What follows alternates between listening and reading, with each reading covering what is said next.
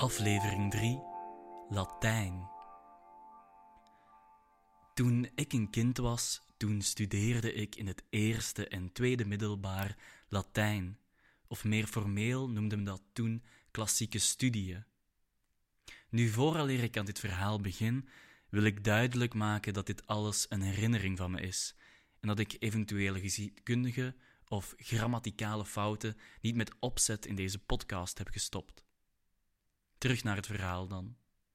Mijn leerkracht Latijn die vertelde me dat er in het oude Rome drie sociale klassen waren: de senatoren of aristocraten die bovenaan de samenleving stonden, gevolgd door het gewone volk of de populus, en onderaan had je dan de slaven of servi.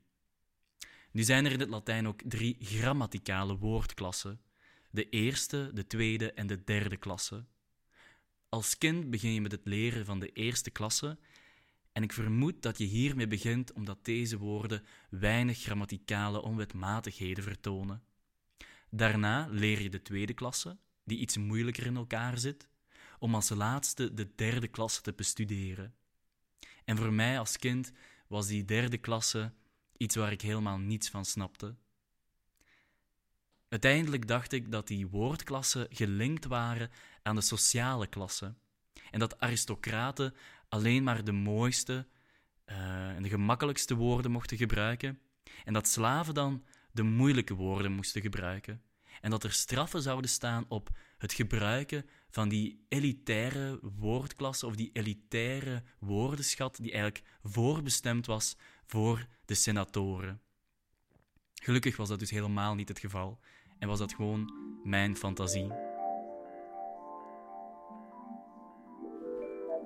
Dit is de podcast Toen ik een kind was. En in deze afleveringen vertel ik anekdotes over mijn eigen kindertijd en over dingen die ik toen interessant vond, dingen die me zijn bijgebleven. De muziek die je nu hoort, die heb ik zelf geschreven. En bedankt voor het luisteren.